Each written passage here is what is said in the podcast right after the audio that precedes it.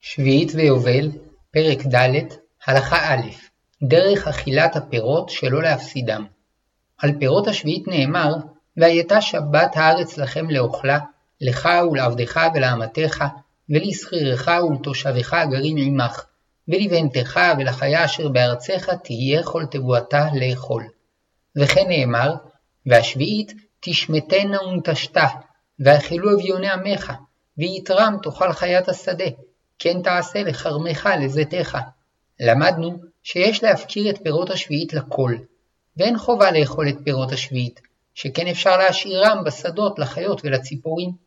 אבל אם ירצה אדם להשתמש בהם, עליו להיזהר להשתמש בהם כפי השימוש הראוי להם, שנאמר, והייתה שבת הארץ לכם לאוכלה, דרשו חכמים לאוכלה ולא להפסד, וזו משמעות הביטוי קדושה, שנאמר לגבי פירות השביעית, שהם מקודשים ומיועדים לאכילה באופן הראוי להם ולא להפסד. לפיכך, פירות שראויים למאכל אדם, אסור להאכילם לבהמה, הואיל ויש בכך הפסד לפירות, שמאכל אדם יקר וחשוב ממאכל בהמה. כדי שלא להפסיד את פירות השביעית, צריך לאכול אותם בדרך המקובלת. לפיכך, לא יבשל דבר שרגילים לאוכלו חי, כדוגמת אבטיח, בננה ואבוקדו, ולא יאכל חי דבר שרגילים לאוכלו מבושל, כדוגמת אורז ועדשים.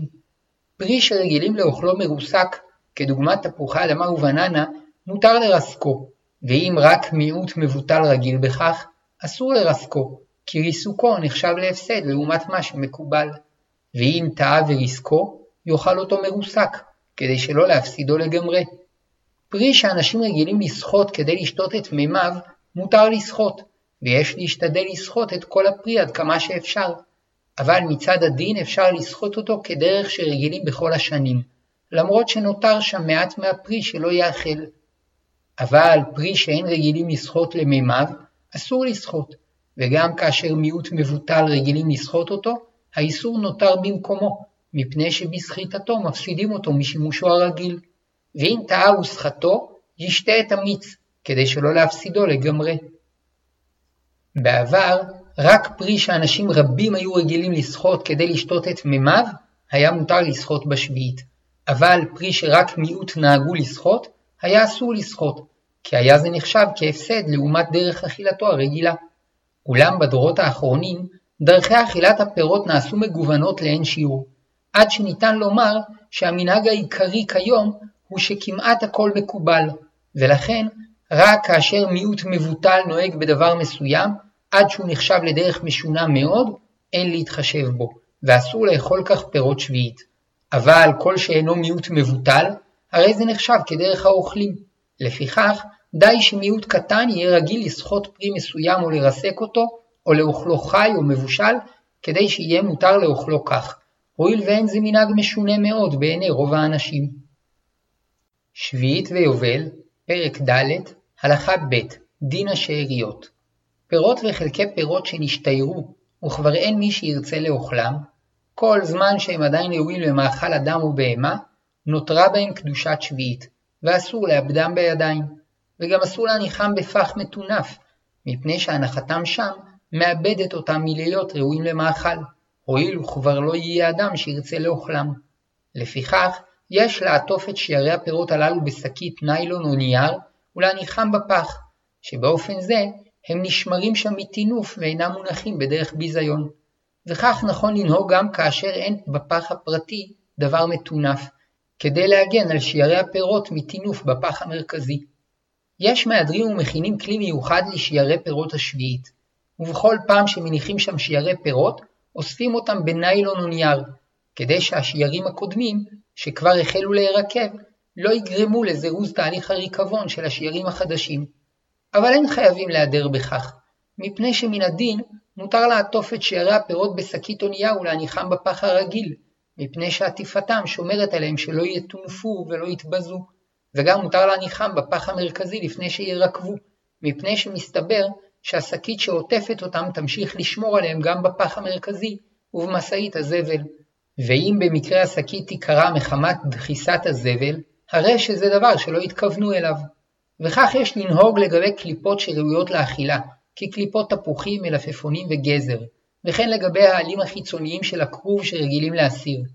אבל שירא פירות שאינם ראויים לאכילת אדם או חיה, כגון קליפות וגרעיני פירות שאין רגילים לאכול כיום, מותר לזרוק לפח הזבל בלא הגבלה. האוכל מאכלי שביעי צריך להשתדל לסיים את כל האוכל שלקח, ומותר שישייר בצלחת שיירי מאכלים כדרך שאנשים שרגילים להיזהר שלא להשחית מאכלים בחינם, רגילים לשייר בכל השנים. ועל השיירים הללו אין קדושה ומותר להשליכם לפח. וקל וחומר שמותר לשטוף צלחות וסירים משיירי פירות שביעית שדבוקים בהם. אבל אם נשתיירו מאכלים שיש להם חשיבות, כגון שיעור של כפית שלמה במקום אחד בצלחת, או כשיעור של כף אחת במקום אחד בסיר, יש לנהוג בהם כשיירי פירות שביעית. מאכל שקיבל טעם מפירות שביעית, דינו כדין פירות שביעית, שכל עוד הוא ראוי למאכל והוא בשיעור שיש לו חשיבות, יש להניחו בתוך שקית וכך להניחו בפח. וכן הדין לגבי מרק שבושל עם פטרוזיליה של שביעית, שאם נשתייר ממנו בסיר כמות שיש לה חשיבות, או בצלחת יותר מרק ממה שאנשים רגילים שלא להשחית בחינם משאירים, יש לנהוג בו כקדושת שביעית.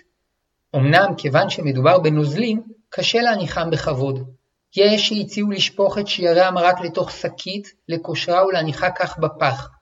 אולם הצעה זו עלולה לגרום ללכלוך במקרה שהשקית תיקרע או תיפתח. ולכן העצה הנוחה ביותר, להשאיר את שיירי המרק מחוץ למקרר יום או לילה, עד שיגיע למצב שאנשים רגילים שלא לאוכלו, שמא קצת יתקלקל, מכיוון שכבר ממילא האדם אינו מתכוון לאוכלו, מותר אז לשופכו כרגיל.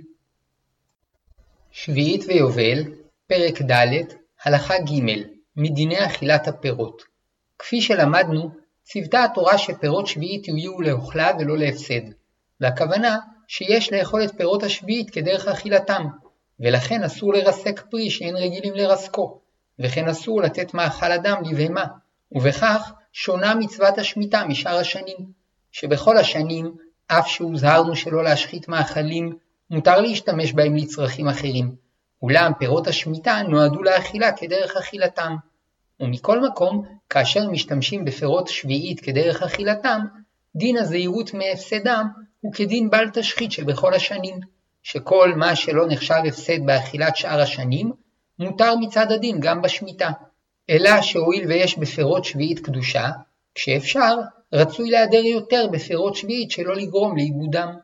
לפיכך, הרוצה לאכול חצי תפוח, רשאי לחתוך תפוח ולאכול את חציו, למרות שבעקבות זאת ייתכן שלא יהיה מי שירצה לאכול את חציו השני, מפני שכך היא דרך אכילתו של התפוח, שלפעמים אוכלים את חציו, ולפעמים בעקבות זאת החצי השני הולך לאיבוד. אלא שנכון להיזהר לשמור את החצי הנותר, באופן שיגדיל את הסיכוי שאחר כך ירצו לאוכלו.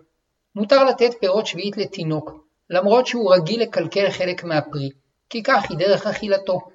אלא שלכתחילה טוב לתת לו בכל פעם מעט, כדי להפחית את החלק שילך לאיבוד.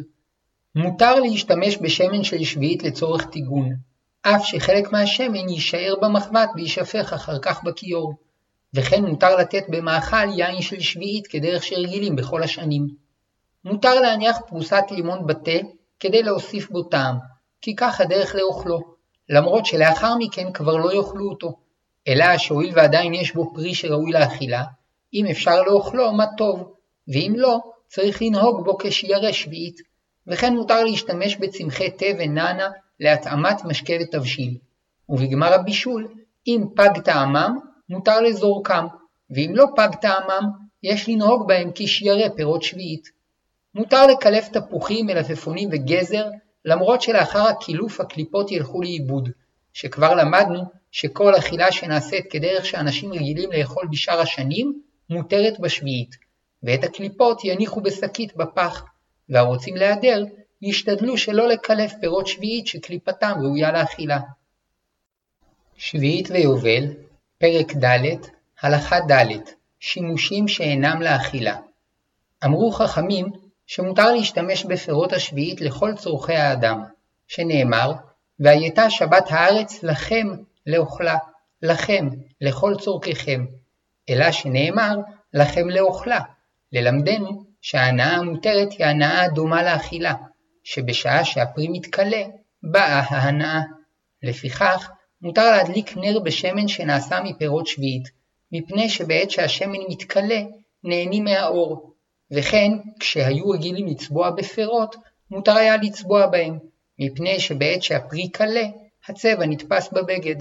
אבל אסור להשתמש בתבן שביעית שראוי למאכל בהמה לצורך הסקת התנור לחימום הבית או לאפייה או לבישול, כי רק לאחר שהם נשרפים מתחילים ליהנות מחומם. מותר לאדם לסוך את עורו בשמן שנעשה מפירות שביעית, כי סיכה נחשבת כשתייה. בנוסף לכך, בעת ההנאה השמן מתכלה, אבל אסור לסוך בשמן שביעית בגדי עור ונעלי עור כדי לחזקם, כי ההנאה באה לאחר כילוי השמן. לא יסוך את הגוף ביין או בחומץ, מפני שאין רגילים לסוך בהם. אסור לתת לבהמה פירות שראויים למאכל אדם, כדי שלא להפסידם מהשימוש הראוי והמשובח שלהם, וגם אם הבהמה באה מעצמה לאכול מהפירות, עליו להרחיקה.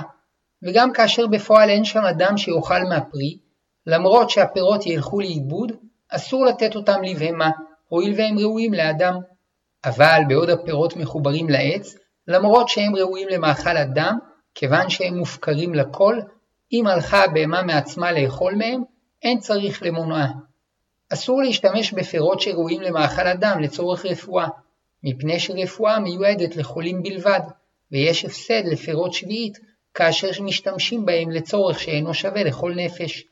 אבל מותר להכין תרופה לאדם מפירות שנועדו למאכל בהמה, הואיל ויש בכך עלייה ממעמד של שימוש בהמה לשימוש אדם, למרות שהיא להנאת חולי בלבד. פירות שביעית שידוע מתחילה שאין אנשים שיאכלו אותם, כגון שהם קטנים מדי ואין אפשרות לחלקם במסגרת אוצר בית דין, ואם לא יעבדו אותם בדרך שונה מהמקובל, ייאלצו לזרוק אותם, מותר לעבדם, כי אין זה הפסד עבורם אלא הצלה, ואם אין אפשרות להכשירם לאכילת אדם, מותר לעבדם כדי שישמשו לסיכה או רפואה או מאכל בהמה. שביעית ויובל, פרק ד', הלכה ה' מצוות בפירות שביעית ועורלה ונטע רוואי. מותר להשתמש ביין של שביעית לכל המצוות הטעונות כוס של ברכה כקידוש, ברית מילה, פדיון הבן ונישואין. אבל בהבדלה, נכון שלא למלא את הכוס יותר מכפי מידתו לסימן ברכה, מפני שיש בזה עיבוד של יין שביעית. וכן בליל הסדר, בכוס השנייה מארבע כוסות, נכון שלא להטיף יין מהכוס בעת אמירת עשר המכות, ודצח עדש באחיו, מפני עיבוד יין של שמיטה. ואין להימנע מחמת זאת מלהשתמש ביין של שביעית, מפני שיותר מעלה יש בשתיית יין של שביעית, מאשר בקיום מנהגים אלו שאין להם מקור חזק. מותר ליטול אתרוג של שביעית למצוות נטילת לולב בסוכות, ואף שהנטילה עלולה לגרום נזק מועט לקליפתו, אין זה הפסד משמעותי שצריך לחוש לו, ומניעת המצווה היא הפסד גדול יותר. יש אומרים שאין להשתמש בשמן של שביעית לנרות חנוכה, הואיל ואסור ליהנות מנרות חנוכה, והעיקר שמותר, הואיל ואף הדלקת נרות חנוכה היא שימוש מקובל. אסור להסיר מהעץ פירות עורלה, מפני שבכך מעצימים את צמיחתו של העץ, וכדי שלא ייכשלו אנשים באכילת פירות עורלה, צריך לתלות שם שלט שיזהיר על כך. כאשר יש חשש שהשלט לא יועיל, מותר להסיר את הפרחים או הפירות הקטנים כדי שלא ייכשלו בהם. כאשר העץ מגיע בשמיטה לשנתו הרביעית, דיני נטע רווי חלים על פירותיו, אלא שהם הפקר לכל. כלומר, בזמן שבית המקדש היה קיים, היה צריך לאכול את הפירות בטהרה בירושלים, או לפדותם בכסף ולקנות בו מאכלים בירושלים ולאוכלם בטהרה. ועתה פודים את פירות נטע רווי על פרוטה, וכדי שידעו הקוטפים שעליהם לפדות את הפירות, בעל העץ צריך לתלות שם שלט שיזהיר על כך. שביעית ויובל, פרק ד', הלכה ו', איסור סחורה והמכירות המותרות. ציוותה התורה על בעלי השדות להפקיר את פירות השביעית, שכל הרוצה לאכלם יבוא וייטול, לפיכך מובן מאליו שאסור לסחור בהם, וזהו שנאמר, והייתה שבת הארץ לכם לאוכלה. למדו חכמים, לאוכלה ולא לסחורה, הרי שהסוחר בפירות שביעית מבטל מצוות עשה מהתורה. אמנם מנגד, מצינו שמותר למכור מעט פירות שביעית, ואף קבעה התורה לכך הלכות, כפי שיבואר בהלכה הבאה.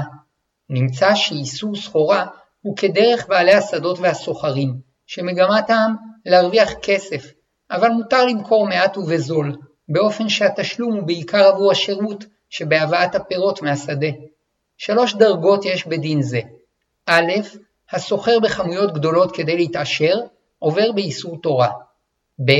המוכר מעט לחברו כדרך מסחר, עובר באיסור חכמים. ג. מותר למכור מעט ובזול שלא כדרך מסחר, באופן שיהיה ניכר שהפירות של שביעית והתשלום עבורם מתקדש לקניית מאכלים. כך היא דרך המכירה המותרת. יקפיד שלא לכתוב בפעם אחת יותר משיעור שאדם רגיל להביא לתצרוכת ביתו, ואת מה שכתב לא ימכור בעצמו, אלא ייתן לבנו או לחברו, ואף הם ימכרום דרך ארעי ולא במקום קבוע בשוק. וכן אדם שלקט פירות לתצרוכת ביתו, ונותרו לו מהם פירות שהוא אינו מתכוון לאוכלם, מותר לו למוכרם דרך ארעי. ויש אומרים שבכל צורות המכירה אסור למכור יותר משיעור שלוש סעודות. עוד תנאי אמרו חכמים, שהמוכר פירות שביעית לא ימכרם במידת נפח או משקל או לפי מניין פירות כדרך מסחר, אלא ימכרם בעומד, באופן זה ימכרו אותם בזול, ויזכרו שהם פירות שביעית, וייזהרו בקדושתם, ועיקר התשלום הוא עבור השירות שבהבאתם. ואין לשאול מדוע לא אסרו חכמים מכירה מועטת שמא מתוכה יגיעו למסחר שאסור מהתורה, מפני שהמכירה המועטת הועילה לאכילת פירות שביעית, שלעיתים אדם שלקט עשרה קילו תפוחי עץ לתצרוכת ביתו, העדיף למכור חלק מהם כדי לקנות בדמיהם מאכלים אחרים, במקום לאכול כל היום תפוחים. וכן הייתה מכך תועלת לאנשים שמפני טרדתם או חולשתם, התקשו להגיע לשדות, ועל ידי כך יכלו לקבל פירות שביעית במחיר מופחת. ומן הסתם, עניים היו עוסקים בכך, כי לעשירים לא היה משתלם לקטוף כמות קטנה ולקבל עליה תשלום מועט, אבל לעניים הייתה מזה ברכה. אלא שכדי שלא יגיעו לידי מסחר אסור, קבעו חכמים שגם המוכר מעט ישנה מדרך המסחר הרגיל. שביעית ויובל, פרק ד', הלכה ז', תפיסת הדמים בקדושת שביעית. פירות שביעית נועדו לאכילה, שנאמר, והייתה שבת הארץ לכם לאוכלה. וזו משמעות הקדושה שיש בהם, שאסור לאדם להפסידם או לסחור בהם, כי הם מוקדשים לאכילה. וכל מה שמותר למכור הוא מעט פירות שביעית לצורך אכילה. לפיכך, בעת שמוכרים פירות שביעית, הם נשארים בקדושת ייעודם לאכילה, וגם הכסף שמקבלים עבורם מתקדש ונתפס בקדושת אותם הפירות, שאף הוא מיועד לקניית מאכלים בלבד, וצריך לסיים את אכילתם עד שעת הביעור של הפירות שמכוחם הם נקנו. באופן זה, ברור שלא ניתן לקיים מסחר רגיל בפירות שביעית, שכן הסוחר רוצה להרוויח כסף, ואילו עבור פירות שביעית הוא מקבל כסף שמותר להשתמש בו רק לקניית מאכלים לתקופה הקרובה, כלומר עד זמן הביעור. הלכה זו נלמדה ממה שנאמר קודש תהיה לכם, מן השדה תאכלו את תבואתה. כיוון שהפירות קדושים, הם תופסים את דמיהם כדין שאר קודשים, היינו שהכסף שמשלמים עבור הפירות נעשה מקודש לייעוד המקורי של הפירות. אולם, שלא כדין שאר הדברים שהוקדשו, כדוגמת פירות מעשר שני ודברים שהוקדשו לבית המקדש, שבעת שנפדו בכסף יצאו לחולין, פירות השביעית נשארים תמיד בקדושתם, שנאמר, קודש תהיה, ללמדנו שהם יהיו בהווייתם תמיד, שתמיד יהיו מוקדשים לאכילה, ולא להפסד ולא לסחורה. אולם הכסף שקנו בו את הפירות יכול להיפדות, שאם קנו בו מאכל אחר, עברה הקדושה מהכסף למאכל, וזאת משום שהכסף יתקדש על ידי מעשה אדם, וממילא אפשר להחליפו בדבר אחר, אבל הפירות שהתקדשו על פי מצוות התורה, מחמת שגדלו בשביעית, נשארים בקדושתם תמיד. וכך הדין, מכר תאנים של שביעית, התאנים נשארו בקדושתן וגם הכסף נתפס בקדושתן, שרק דברי מאכל מותר לקנות בו. קנה בכסף בשר, עברה הקדושה מהכסף לבשר והכסף נעשה חולין. החליף את הבשר בדגים, עברה הקדושה מהבשר לדגים והבשר יצא לחולין. החליף דגים ביין, עברה הקדושה ליין. החליף יין בשמן, עברה הקדושה לשמן. נמצא שקדושת השביעית חלה על התאנים שגדלו בשביעית, ועל השמן שהוא הדבר האחרון שנקנה או הוחלף בדמיהן, ויש לסיים את אכילת השמן עד זמן הביעור של התאנים שמכוחן הוא נקנה. אין קדושת הפרי הראשון עוברת לכסף או למאכל אחר, אלא בדרך מקח שנעשה בין קונה למוכר, או בדרך חליפין שבין שני אנשים, אבל לא בדרך חילול, היינו שאין אפשרות שבעל הפירות יחליף אותם על מאכל אחר שיש ברשותו. והסברה לכך פשוטה, שום תועלת לא תצמח מהחילול לאכילת הפירות, שהרי ממילא הפירות המקוריים נותרו אצלו והם בקדושתם. אבל כאשר הוא מקבל תמורתם פירות או כסף, הוא יכול על ידי כך לאכול מאכלים נוספים, ופירות השביעית שעברו לחברו, יאכלו אף הם בקדושה. אבל את הקדושה של הכסף שנתקדש במכירה הראשונה, אפשר להעביר גם בדרך חילול, כגון שיחלל את הכסף שקיבל עבור התאנים בגבינה שבביתו, ובכך הקדושה תעבור מהכסף לגבינה שאותה יאכל לפני זמן ביעור התאנים, ובכסף יוכל להשתמש לכל דבר. וכן אם החליף עם חברו את תאני השביעית בשמן, יכול בעל השמן לומר, השמן יהיה מחולל על בשר, ויאכל את הבשר עד זמן ביעור התאנים, ובשמן יוכל להשתמש בלא הגבלה. אין קונים בדמי שביעית מאכל בהמה, ואף אם מכר פירות שנועדו למאכל בהמה, כיוון שהפכו לכסף, נעשו כסתם פירות שביעית שנועדו למאכל אדם, שזה עיקר מגמת פירות שביעית.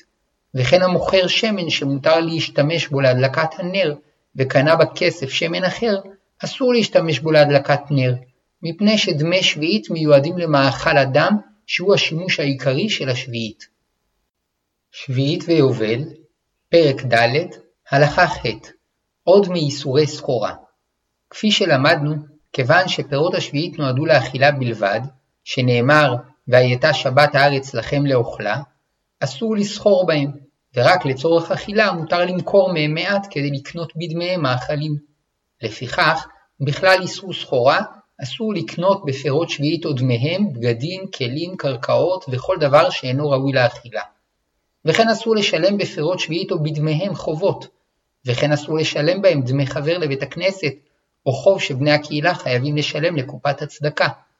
וכן אסור לשלם בפירות שביעית או דמיהם שכר פועלים, שאם פועל תיקן דבר בביתו, לא ישלם לו בהם את שכרו. אבל אם היה הפועל חבר שלו, עד שהוא יכול לבקש ממנו לתקן את הדבר בחינם, רשאי אף לתת לו מפירות שביעית שבידו מתנה, שכל זמן שאין הוא משלם בהם את חובו, אין איסור. וכמובן שהפועל צריך לשמור על קדושת פירות השביעית, שלא להפסידם ולא לסחור בהם, ולבערם בשעת הביאור. עבר וקנה בפירות שביעית חלוק, יעמיד כנגדו מאכל שיתקדש בקדושת אותם הפירות, ויאכל אותו עד זמן הביאור, וכן מי שעבר והשתמש בפירות שביעית לצורך אחר שאינו אכילה, כגון שסך אורות בשמן שביעית, יאכל כנגד שווי השמן מאכלים בקדושת שביעית.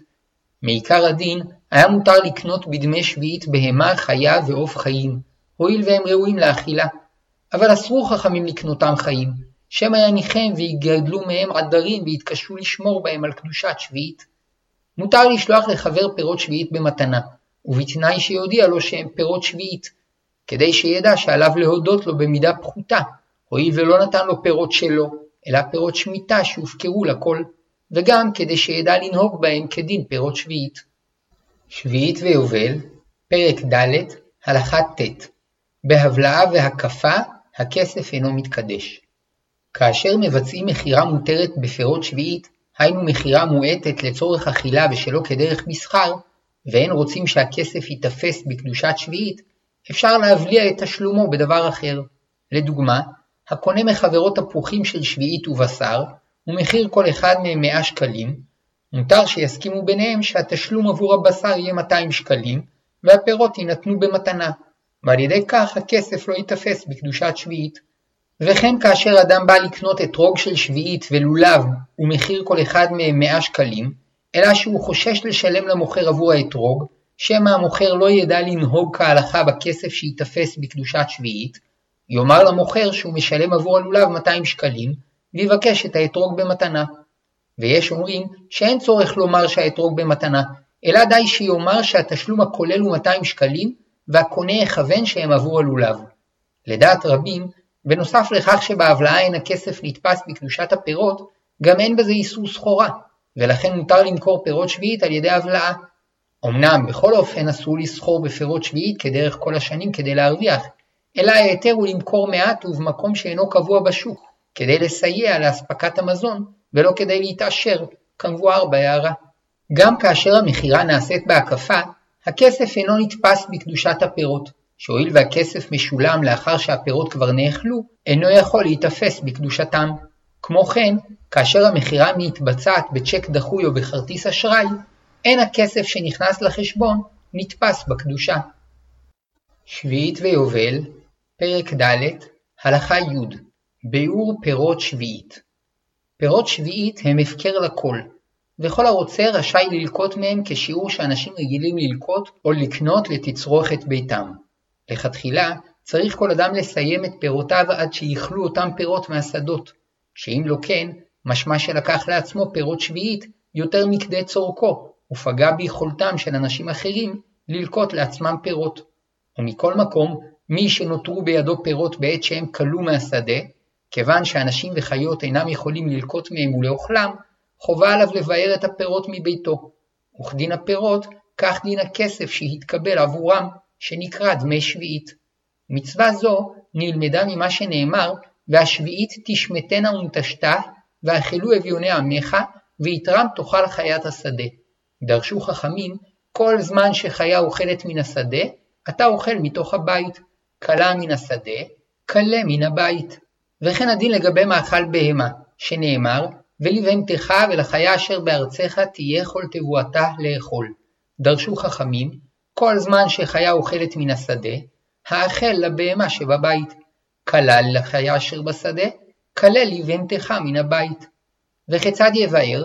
ישאיר לעצמו כמות שבני ביתו רגילים לאכול בשלוש סעודות, וכן יחלק מזון שלוש סעודות לכל אחד ואחד ממכריו, ובכך הוא מבאר את הפירות באכילה כפי ייעודם המקורי, שכן מה שרגילים לאכול בשלוש סעודות נחשב כמבואר, הואיל והוא מיועד לאכילה קרובה ולא להגירה. ואם התעצל מלחלק את הפירות שבידו, יוציא אותם מביתו ויפקירם ויאמר, אחינו בית ישראל, כל מי שצריך ליטול יבוא וייטול. ואז רשאי כל אדם לקחת מהם כאוות נפשו, גם הרבה יותר ממזון שלוש סעודות, ובתנאי שינהג בהם קדושה כבפירות שביעית, שלא יפסידם ולא יסחר בהם, וגם זה שהפקירם רשאי לזכות בהם ולהחזירם לביתו. עבר בעל הפירות ובזדון או רשלנות השאיר את הפירות אצלו, הפירות נאסרו על כל ישראל באכילה, ויש אומרים שאם ייתן אותם במתנה לחברו, חברו יוכל להפקירם, ובכך יהיו מותרים לכולם, זולת זה שלא הפקירם בזמן. והואיל ודין שביעית בזמן הזה מדרבנן, אפשר לסמוך על שיטה זו. ואם בעל הפירות לא ביער את פירותיו מחמת אונס או שגגה, יש אוסרים ויש מתירים. וכיוון שדין שביעית בזמן הזה מדרבנן, יוכל לסמוך על המקלים ולהפקירם מיד כשיזכר בכך, ואחר כך גם לא יהיה מותר לזכות בהם. שביעית ויובל, פרק ד', הלכה י"א דיני הביאור למעשה כפי שלמדנו, אם נותרו לאדם פירות שביעית בזמן הביאור ולא הצליח לסיימם על ידי אכילתם וחלוקתם, עליו לבערם מביתו על ידי הפקרתם לכל. לכתחילה, יוציאם לרחוב ויכריז ברבים שהפירות הם הפקר וכל הרוצה ליטול מהם יבוא וייטול. ולכל הפחות יכריז זאת בפני שלושה אנשים, ושלא יהיה אחד מהם סמוך על שולחנו. לאחר שהפירות יופקרו כדין, רשאי כל אדם לקחת מהם כאוות נפשו, אפילו הרבה מעבר למזון שלוש סעודות, ובתנאי שינהג בהם כדין קדושת שביעית, שלא יפסידם ולא יסחר בהם, וגם למפקיר הפירות מותר לזכות בהם מחדש. כאשר בעל הפירות דחוק בממונו ונצרך לפירות, הציעו לו חכמים שיוציא את הפירות לרחוב ויפקיר אותם בפני שלושה מאוהביו, שלא יבואו לזכות בפירות אחר שהם יודעים שהוא רוצה בהם, וכך יוכל לחזור ולזכות בהם. ומי שאין לו אוהבים וחושש שאם יפקיר את הפירות בפני שלושה יקפצו הם ויזכו בפירות, יכול להוציא את הפירות לרחוב בשעה שאין שם עוברים ושבים, ויכריז בקול שהפירות הפקר, לפני שיספיקו אנשים לבוא לקחתם, יגביהם ויכניסם בחזרה לביתו. אדם שלקח הרבה בקבוקי יין מאוצר בית דין, ושילם עבור הטיפול בהם, רשאי לכתחילה להפקיר אותם בפני אוהביו ולזכות בהם מחדש ולהכניסם לביתו. שהואיל והתנדב להשתתף באוצר בית דין, ראוי שלא יפסיד את מה ששילם עבור הטיפול ביין. כפי שלמדנו, זמן הביאור הוא כאשר אותם הפירות קלים מהשדות. כיום, שמעטים מכירים את מצב השדות, סומכים על הזמנים שוועדי הכשרות מפרסמים לגבי כל פרי ופרי. אמנם בפועל, פעמים רבות יש ספק אם מתי הפירות יכלו ויגיע זמן הביאור, והפתרון לכך להפקיר את הפירות ביום הראשון שבו ייתכן שחל הביאור, וכל הנוטלים מהפירות יכוונו שלא לקנות אותם, וכן יודיעו לשלושה מחבריהם שהפירות שבביתם עדיין הפקר, וכל הרוצה רשאי לבוא ולקחת מהם, ורק כשיסתיים זמן הספק, יכוונו לקנות את הפירות. שביעית ויובל, פרק ד', הלכה י"ב הוצאת פירות שביעית לחוץ לארץ. אסרו חכמים להוציא פירות שביעית מהארץ לחוץ לארץ. יש אומרים שטעם האיסור מפני שמצוות הביעור צריכה להתקיים בארץ, שכשם שפירות שביעית הופקרו לכל יושבי הארץ שיכולים לבוא לשדות ולקטוף מהפירות, כך גם הביעור שנועד לשוב ולחלק את הפירות לכל, צריך להתקיים בארץ. ויש אומרים שהאיסור מפני החשש שלאחר שיוציאם לחוץ לארץ, ישכחו שהם פירות שביעית, ולא ייזהרו בקדושתם, ויבואו להפסידם ולסחור בהם. ויש אומרים שמשום קדושתם של פירות שביעית, אין להוציאם מהארץ. ויש אומרים שאסרו להוציאם שמא הפירות יחסרו לבני הארץ. עבר והוציא את הפירות לחוץ לארץ, אינו חייב להחזירם, אלא יאכלם בהקדם. ואם הגיע זמן ביעורם, אינו צריך להחזירם לארץ כדי לבערם, אלא יבערם במקומם. בדורות האחרונים נוצר צורך גדול מאוד לייצא פירות מהארץ לחוץ לארץ גם בשנה השביעית, שכן יש ענפים שנשענים על הייצוא, ואם שנה אחת לא ייצאו פירות, יתפסו המתחרים את מקומם, ויגרם להם נזק גדול מאוד. וכיוון שמדובר בשעת הדחק והפסד גדול, יש פוסקים שסמכו על שיטות שונות, לפיהן ניתן להקל ולהוציא במסגרת אוצר בית דין פירות שביעית מהארץ. ומכל מקום, כל ההיתרים שהזכירו דחוקים בהרבה מהיתר המכירה. שביעית ויובל, פרק ד', הלכה י"ג, חשוד על השביעית. כדרך שאסור לעבוד בשביעית, כך אסור לחזק ידי ישראל שעובדים בשביעית, או למכור להם כלי עבודה, לפי שאסור לחזק ידי עוברי עבירה, שנאמר, ולפני עיוור לא תיתן מכשול, וכאשר אדם מסייע לעובר עבירה, הרי שהוא מחזקו בחטאו, ונמצא שותף להכשלתו בעבירה. ולא עוד, אלא שנצטווינו למחות ביד החוטא, שנאמר, לא תשנא את אחיך בלבביך, הוכח תוכיח את עמיתך ולא תישא עליו חטא, והמסייע בידו נכשל בביטול מצוות התוכחה. לפיכך, אסור למכור לישראל החשוד על השביעית כלים חקלאיים שקרוב לוודאי שישתמש בהם למלאכות שאסורות בשביעית. כיום, רובם המכריע של החקלאים עובדים במסגרת היתר מכירה, ומותר למכור להם כלים חקלאיים בלא הגבלה.